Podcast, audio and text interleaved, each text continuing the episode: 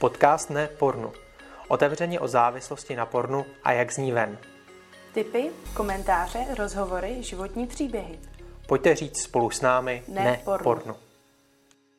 Ahoj, vítejte u dalšího podcastu Nepornu. Tady je Pít, ředitel Nepornu.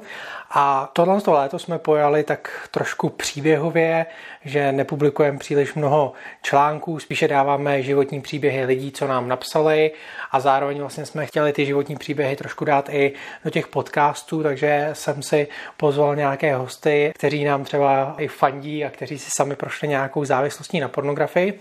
A dneska tady mám hosta Vaška. Ahoj. Ahoj. A Vašek si taky prošel nějak závislostí na pornografii, takže se trošku pobavíme o tom, jak to bylo v jeho životě, co se tam stalo, jaký tam byly zlomové body. A což se můžete potom třeba taky zamyslet na tom, jestli ve svém životě nemáte něco podobného. Ale každopádně na začátek, Vašku, můžeš se stručně představit. Tak ahoj, já jsem Vašek, je mi 35 let. Minulý týden jsme s manželkou slavili 13 let manželství. Máme dva krásné kluky, žijí v Třinci. Momentálně působím jako šef-redaktor magazínu pro Boha.cz. To je asi tak všechno ke mně v kostce. Super. Ono to stačí nějak tak jako na stručný představení a každopádně je tady vidět, že se tady mám někoho z církevního pozadí trošku. Je to tak? A ono to tam hraje taky důležitou roli, tak jenom na začátek, abyste měli tenhle ten kontext. Bez omáčky se klidně pustíme rovnou do toho, hele, jak to u tebe začalo, kdy se poprvé setkal s pornografií, jestli jsi to měl takový to klasický, hele, v 11 letech nebo něco podobného u kamaráda, nebo jak jsi to měl ty v tom svém životě? Bylo to nečekaně v knihovně. Již od dětství jsem nějakým způsobem utíkal do světa knih, hodně jsem četl.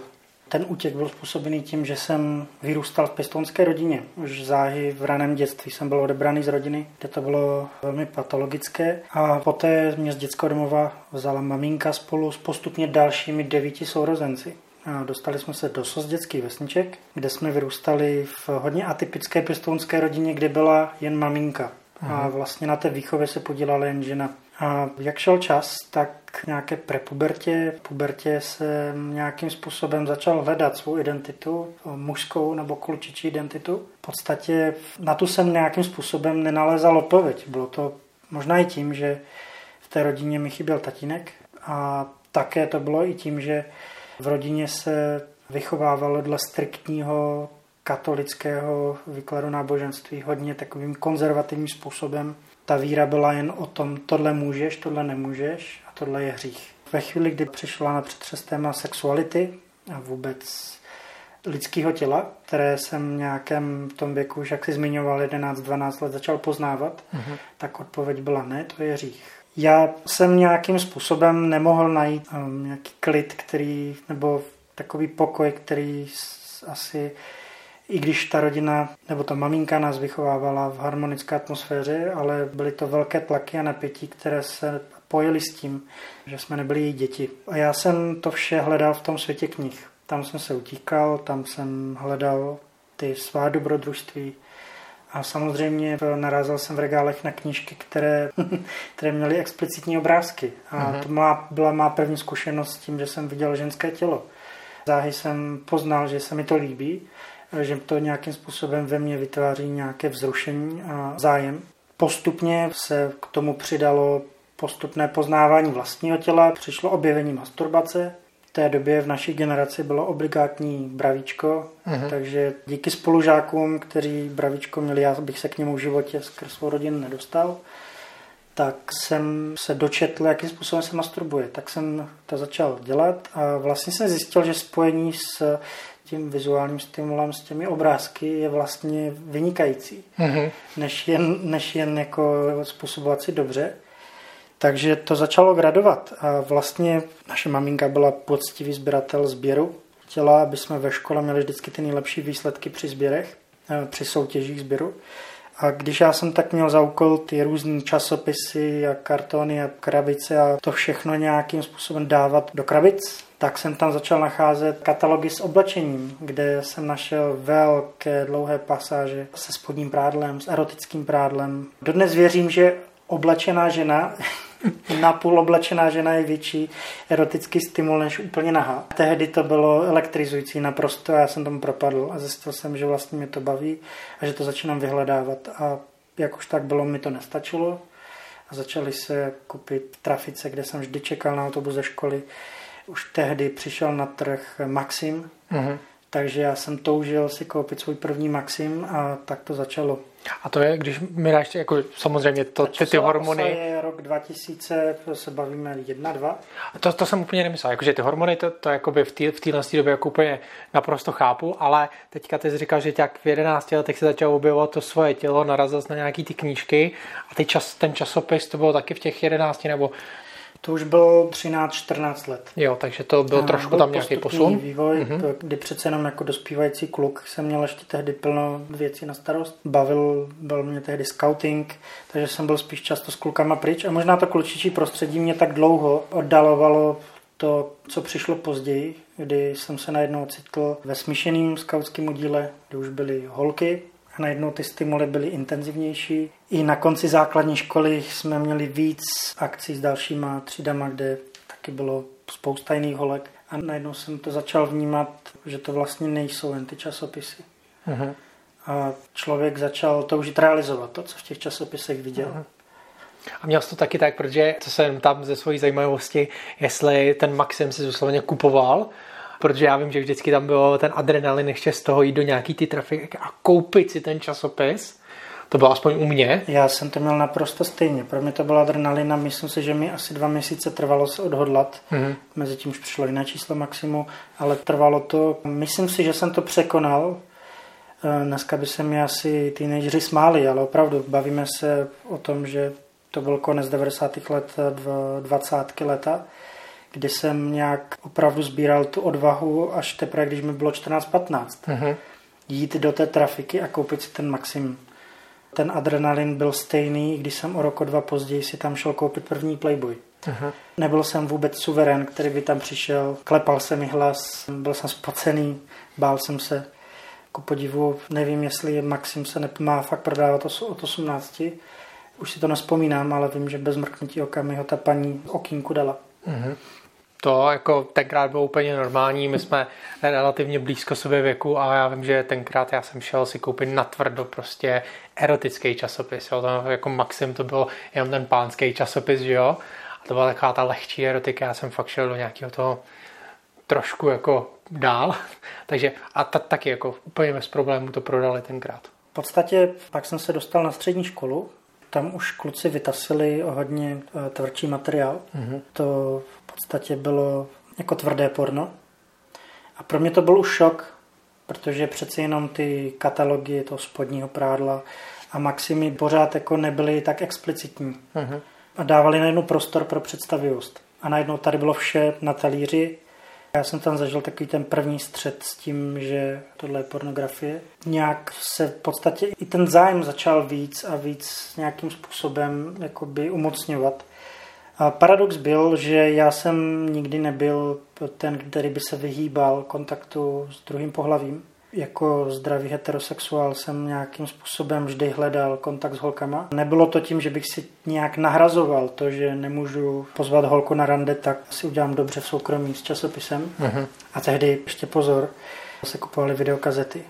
No jasně. Takže, takže i s videokazetami který jsme pak na intro se na střední pouštěli vždycky. Ti, kdo zůstávali na víkend, tak tam taky dozor vychovatelů nebyl, takže velice rychle se vyměnila kazeta a pouštělo se porno.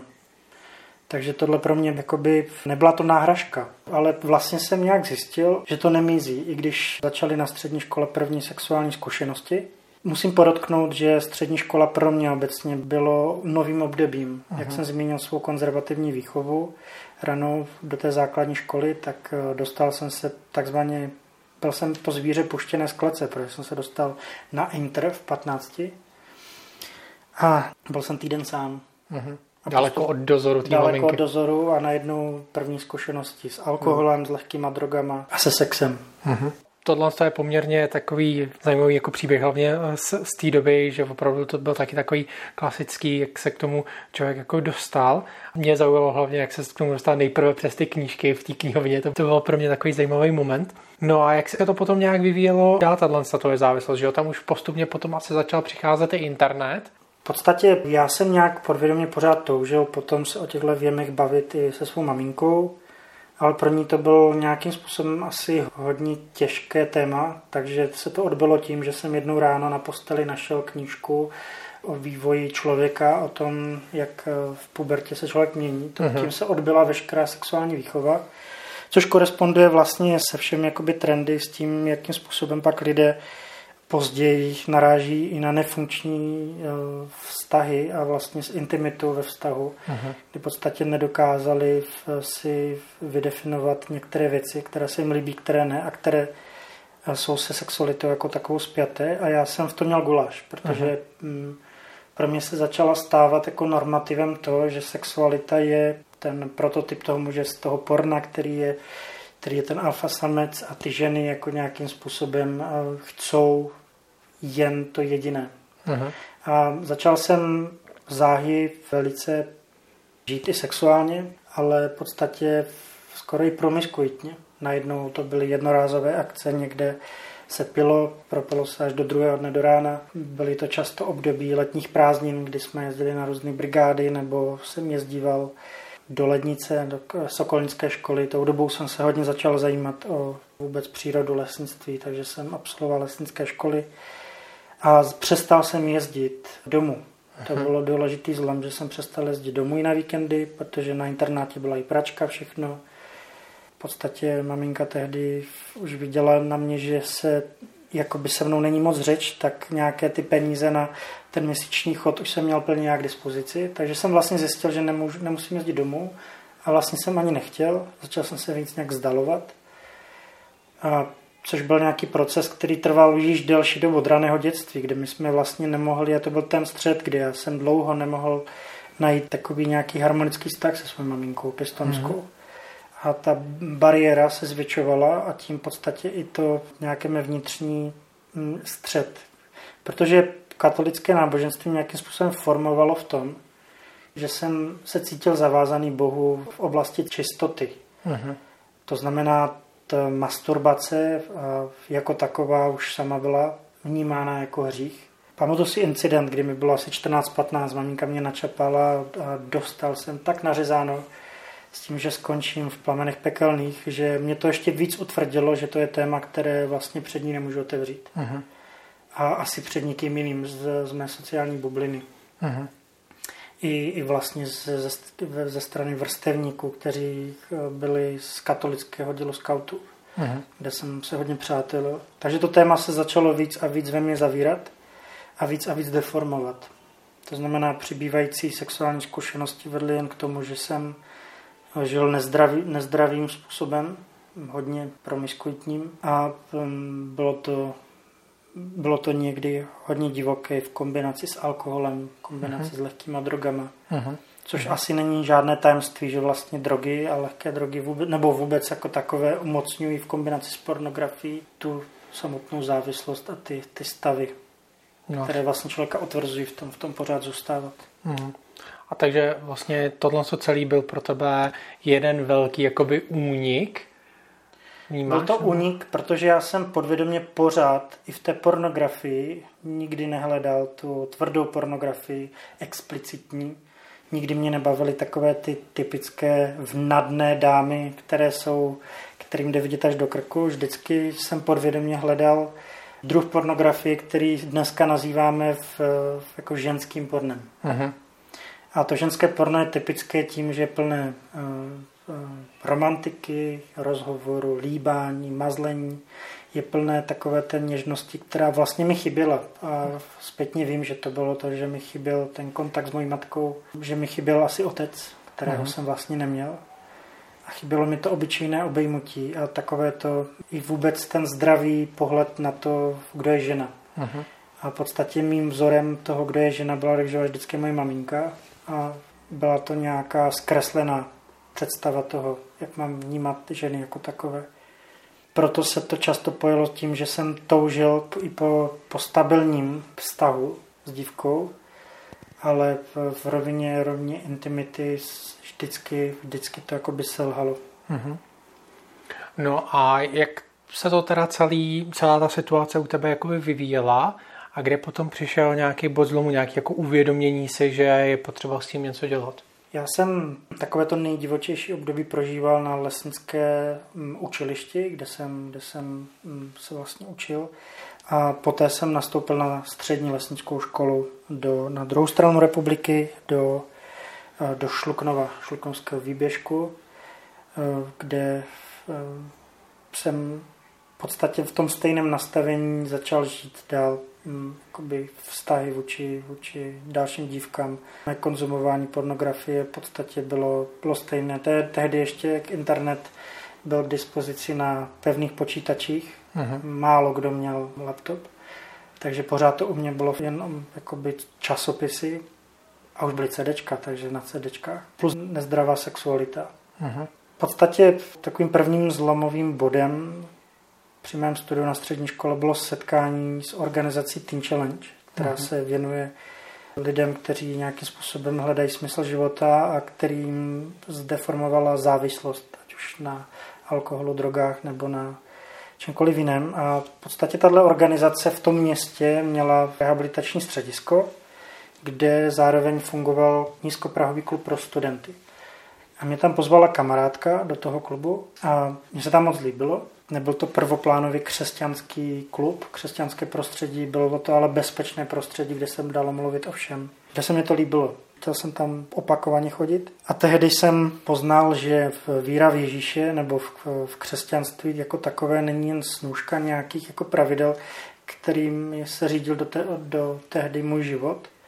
A tudíž mi křesťanství nedávalo smysl, protože já jsem všechna ty pravidla nebyl vůbec schopný naplnit ale dozvěděl jsem se něco o tom, že skrze Ježíše Krista mi jsou odpuštěny hříchy zadarmo. V podstatě mě zve ke vztahu, který se nějak pojí s postupnou proměnou. Uh-huh.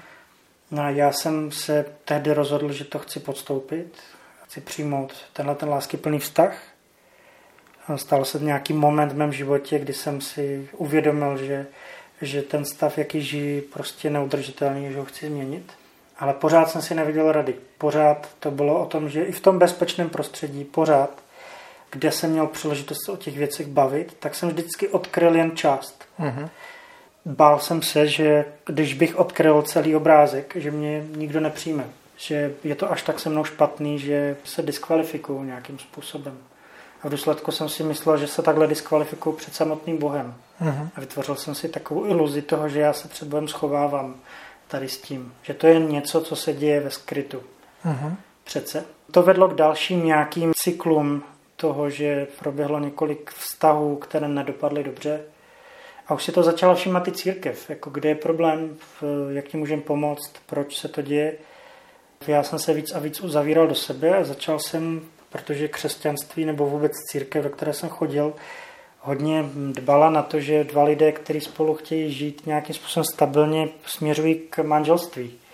A pro mě se to najednou stalo nějakou mantrou. Uh-huh. Že manželství bude tím, kde se vyřeší můj nezdravý sexuální život. Začal jsem uhánět každou nejbližší holku z církve k tomu, aby se mnou zasnoubila. Chudáci holky, ty jo.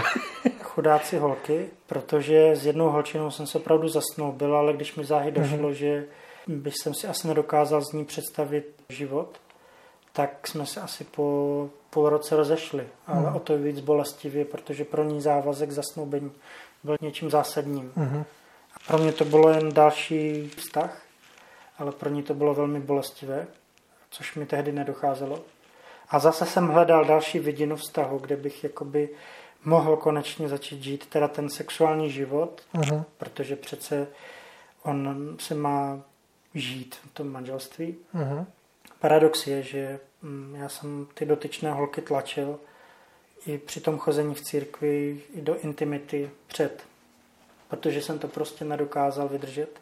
Uh-huh. A překonával jsem hranice metu jednu za druhou. A ty jsi tam zmiňoval, že vlastně to manželství by vyřešilo ten tu jakoby nezdravý sexuální život. Jak to tam bylo s tou pornografií? Hmm, ta pornografie to všechno umocňovala. Uh-huh. V podstatě to byly takové cykly, kdy jsem si nedokázal představit den bez pornografie mm-hmm. a pak zase byly dny, kdy jsem dokázal fungovat bez ní a přišlo zase další období, kdy jsem masturboval několikrát denně a musel jsem to mít k dispozici pořád u sebe. Cítil jsem možná až takovou úzkost někdy, mm-hmm. že se nemůžu dívat na porno. Mm-hmm. Možná nedocházelo k u mě k tomu, že bych by gradovala ten druh té pornografie, že bych šel na tvrdší a tvrdší žánr. Uh-huh. Vždycky to pořád se točilo kolem takového toho jemného žánru, ale byla touha některé věci jako realizovat. Uh-huh. Proto záhy přišla i zkušenost dokonce i s placeným sexem. Uh-huh. V podstatě jsem zjistil, že já ty věci, jakoby, které vidím v té pornografii, chci realizovat. To jsem si uvědomil, že to už začíná být problém. Uh-huh. Protože jsem začal tušit, že to asi nějakým způsobem dřív nebo později na mojem manželství, které v budoucnu k tomu mělo dojít, že to nějakým způsobem poznamená, že to přece nemůžu skrýt. Tak v podstatě došlo k tomu, že já jsem potkal svou budoucí ženu. Bylo to v období, kdy jsem zase skončil jeden tady z těchto těch rychlých vztahů, kde jsem zastoužil nějak realizovat sexualitu, ale ten vztah v podstatě jako neměl nějakého valného trvání a já v tom nastavení toho, že ten vztah nedopadl a v tom nějakém už jako puzení toho, že vlastně potřebuji holku, potřebuji s někým chodit, potkal svou budoucí manželku, která vůbec netušila, s kým, s kým se potkala. Aha. Že se potkala se závislákem na pornu, který žije aktivně rizikový sexuální život. Aha. Možná tady udělám, než budeme pokračovat, tak takovou otázku. Vědělo se nebo mluvilo se tenkrát už, nebo Uvědomil si, že to je závislost, nebo se tenkrát ještě nemluvilo jako o pornografii, jako o závislosti, jenom viděl, že to je problém? Ve společnosti se o tom nemluvilo, spíš se bagatelizovala pornografie, naopak se tehdy bylo ještě období uzla a tady těchto těch sexologů, kteří to maximálně doporučovali. Mm-hmm. Ale v církvi, konkrétně v církvi, kde jsem vlastně chodil, která úzce spolupracovala s Teen Challenge, tak už se dlouho v tom církevním prostředí nějak fungoval boj za to, aby se pornografie nebo nezdravé užívání pornografie bralo jako závislost. Aha. Byli i klienti, kteří Teen Challenge naštěvovali skrz nezdravé užívání pornografie. To znamená, už měli zpracované nějaké materiály, kurzy, kterými ty studenty v tom rehabilitačním centru provázeli. A já jsem se k těm materiálům také dostal a uvědomil jsem si, že je to problém, že v podstatě to není jen nějaké sváteční užívání, že by to bylo jen tak nějaké zájmové, ale že se to u mě stalo každodenní záležitostí. Uh-huh. Že jsem vlastně tomu propadl. De facto jsem byl závislý, protože jsem vykazoval znaky závislosti. Uh-huh. No a teda potom poznal si svoji budoucí ženu a začali jste spolu postupně nějak jako chodit? Začali jsme spolu chodit, ale já jsem v tom období si vytvořil ze manželství nějakou mantru, že jsem na manželství začal tlačit tak moc, že jsme se po pár měsících chození uh-huh. rozhodli se vzít. K nelibosti rodičů, k nelibosti snad všech okolo, protože nepochopili v podstatě tak rychlý rozhodnutí, které by mělo jako výst k tomu. Hlavně neměli jsme ještě dodělané školy, moc to smysl nedávalo. Kolik ti bylo? Já tehdy po tom studiu na učilišti a střední škole už mi bylo asi 20, 21. Uh-huh. Představa, že za 9 let bych měl ženit svého syna, je pro mě nepředstavitelná. Takže věřím, že to stejné bylo i pro mého tchána stchýní. Ale té době to bylo mou mantrou, za kterou jsem mířil a byl to vrchol egoismu a sobectví, protože jsem pod rouškou toho, že opravdu svou ženu miluji, pořád jsem se jí snažil přesvědčit o tom, že to je nejlepší pro náš vztah a že vlastně čím dřív se vezmeme, tím víc budeme moct být spolu. Já jsem tehdy za manželkou dojížděl několik hodin vlakem, takže i to hrálo roli to, že budeme aspoň spolu. Uh-huh. Měl jsem trošku odvahy aspoň trošku říct, že už jsem měl nějaké sexuální zkušenosti a že ona není ta má první. Což ona byla opak. Ona byla dívka ze zbožné rodiny, uh-huh. kde opravdu věřila tomu, že jako pana má počkat do manželství Naštěstí se taky stalo hraničně. Dneska už se pod pojmem sex neberem penetrace, ale x jiných věcí, ale já jsem byl ten, který mu by stačilo, už by stačily hodiny, ne den, uh-huh. když bychom ani do té svatby nestihli. Uh-huh. A my jsme se vzali. A vyřešil se tvůj problém? Vyřešil i nevyřešil, protože velice záhy, velice záhy manželka zjistila, že, že je něco v nepořádku. Můj cyklus jako toho užívání pornografie se pojel pak s nějakými návaly studu a sebeobvinování. Uh-huh. I v manželství jsem zjistil, že touha po pornografii neustala. Tou dobou už jsem plně užíval internet, internetovou pornografii. Ale o to víc se ta konzumace zintenzivnila, protože najednou byly tisíce, tisíce nových videí které byly zdarma a nebylo třeba jít do trafiky kupovat ten časopis. O to víc najednou se ve mně kumulovaly ty návaly hněvu na sebe, uh-huh. které nějakým způsobem se ale hm, odrážely i na mou manželku. A ona byla z toho zmatená, nešťastná, co se děje, proč to, ta krásná velká láska, kterou jsme si slibovali, se nerealizuje. Uh-huh. Až přišel první moment, kdy mě nachytala při sledování pornografie. Teď to byl pro mě jeden z nejvíc potupných jako zážitků, které jsem zažil, kdy jsem se snažil strašně hloupě lhát a vymlouvat se, že jsem omylem na postaženými kalhotami eh, se jen tam uklikl. Pro manželku začal tvrdý střed s realitou, že ten zbožný a čestný muž, kterého si vysnila, se nerealizuje. V podstatě léta ubíhaly, manželka nějakým způsobem v sobě začala tohletu bolest schovávat v sobě, protože jsme nenašli nějakým způsobem v sobě cestu to téma jednou a proždy vyřešit. To téma hm, kumulovalo a u mě nějakým způsobem začalo docházet k tomu, že vlastně zase pornografie nebyla, nebyla tím, co by mě jen zasytilo. Najednou uh-huh. jsem začal toužit zase po jiných ženách, po nových zkušenostech a manželství mě svazovalo.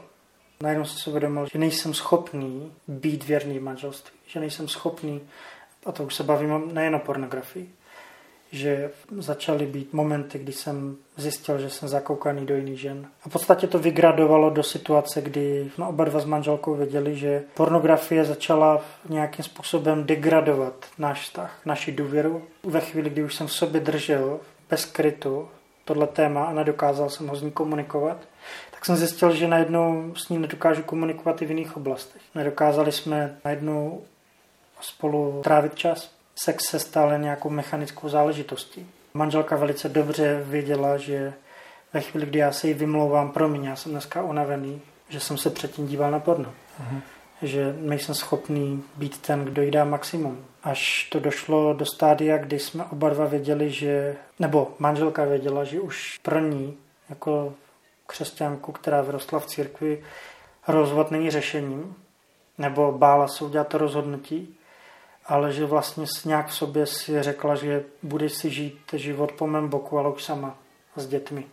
Kdy jsem si ji natolik emočně vzdálil, že si nedokázala představit, že, že bychom spolu třeba měli i sex a že bychom spolu měli žít nějaký romantický manželský vztah.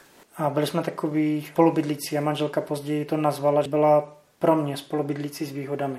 Uh-huh. V mém životě stal taký moment, kdy jsem si nějak uvědomil při snaze být manželce nevěrný, že byl to moment, který nedokážu zmapovat, proč se stal, jak se stal. Křesťané to nazýváme, že to je zázrak. A stal se zázrak, dobře. Ten uh-huh. moment nedokážu definovat, verbalizovat, ale najednou jsem možná vystihuje slovo prozřel.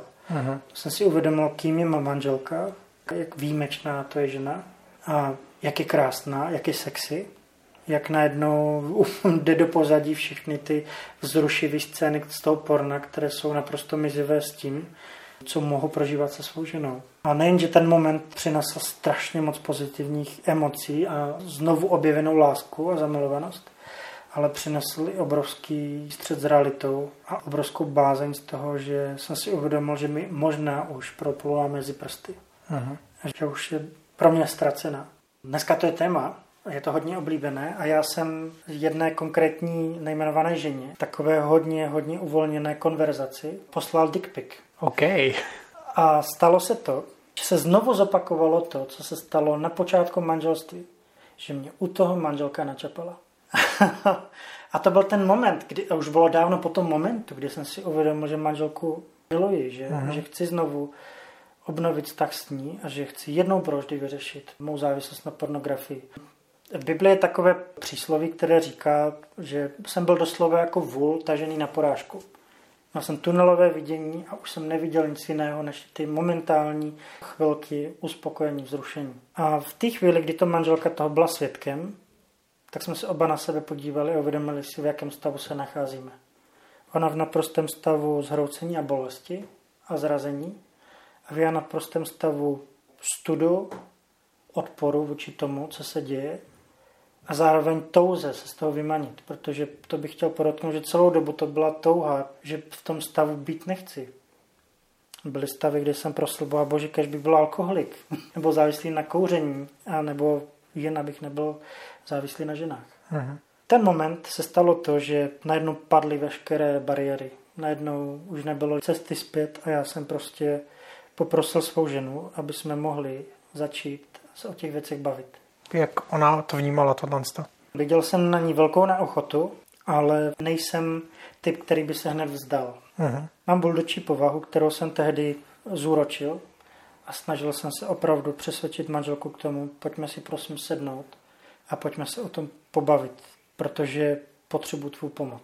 Uh-huh. Proběhlo hodně dní, hodně nocí, které byly protkány fakt jen rozhovory a to vše muselo odstartovat na prosté přiznání toho, čím bojuji, čím jsem mi zraňoval po ty léta. Musel jsem to jasně pojmenovat, co se stalo, kde se to stalo. Samozřejmě proteklo hodně slz, hodně ze strany manželky. A bylo to období, kdy už jsem byl připraven s kufrem, že odcházím z domu, že vlastně nemůžu se takhle manželce podívat do očí a že prostě to už jsem překonal veškeré mety které přece jsou nepřekonatelné a vlastně stal se druhý zázrak, protože nějak manželka skrze svou osobní víru v Pána Boha našla sílu si mě vyslechnout.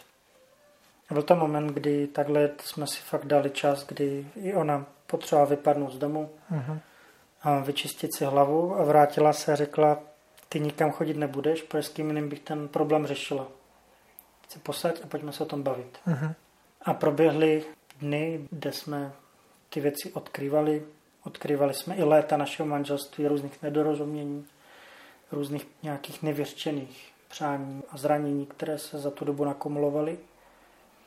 Až to dospělo do stádia, kdy jsme mm, si uvědomili, že jen naše vzájemná láska je tak silná, že chceme to překonat. Mm. A ten moment se ale pojil s mou naprostou transparentností. Uh-huh. Že v té chvíli jsem mi odkryl všechny karty, jak to vypadá s mou závislostí, jak to vypadá s mým nezdravým vztahem k jiným ženám a jak to vypadá s tím, mm, jak my sami můžeme znovu nastartovat náš sexuální život. Uh-huh.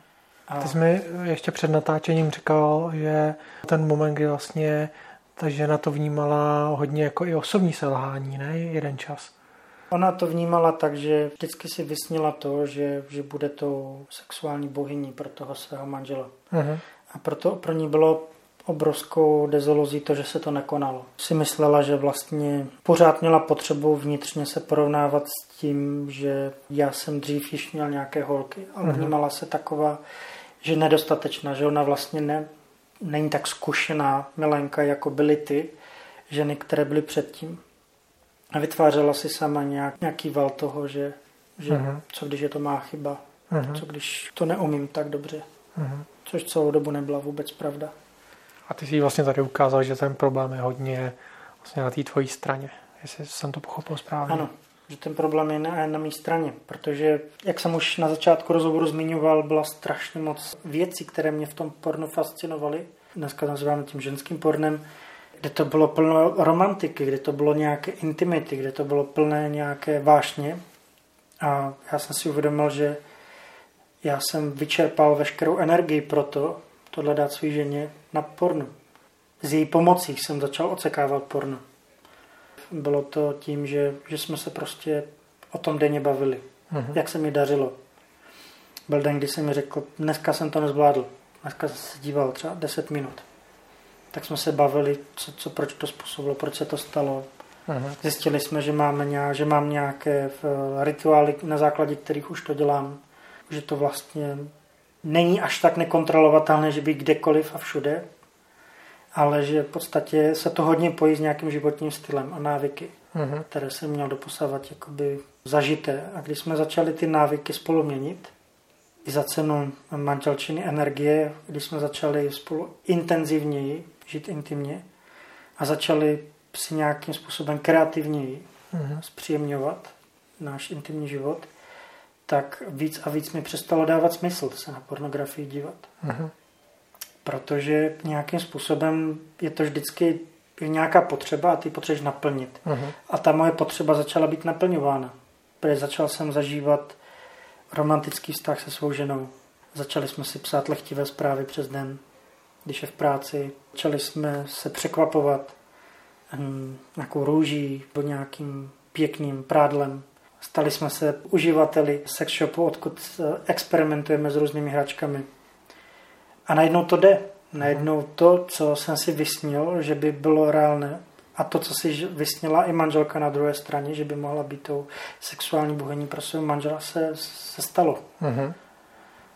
A zjistili jsme, že za dveřmi ložnice se může dělat cokoliv, když je to mezi námi dvěma a když to oba dva chceme a líbí se nám to, tak jsem si uvědomil ex post, jak malicherný byl na počátku ten problém, který vygradoval možná v ten toho obra, který se dal tak jako nepřekonatelný. Že ten moment, než jsem své manželce jako dokázal říct, čím bojuji, se stal... Já jsem nevěřil tomu, že bych ho kdy své manželce řekl. Uh-huh. A říkal jsem si, kdybych jí to řekl, tak se stane něco šíleného a, a můj život se zhroutí. Naopak poté, když jsem zjistil, co, co jsi mi řekl, tak naopak jsem se setkal s láskyplnou podporou, setkal jsem se s přijetím a s tím, že vlastně ten problém nebyl až tak nepřekonatelný. Mm-hmm. Super. Díky za ten příběh. To myslím, že je velmi jakoby silný. A možná se ještě zeptám, řešil jsi to i s někým dalším, nebo jsi to tenkrát řešil jenom s manželkou? Měl jsem pár přátel, a konkrétně jednoho, se kterým jsem toto téma otevřel. Uh-huh. Bylo hrozně užitečné vidět jinou mužskou perspektivu toho, jak v tomto období dál řešit tu situaci. Vždycky je důležité nějakým způsobem nebýt na to sám. Uh-huh.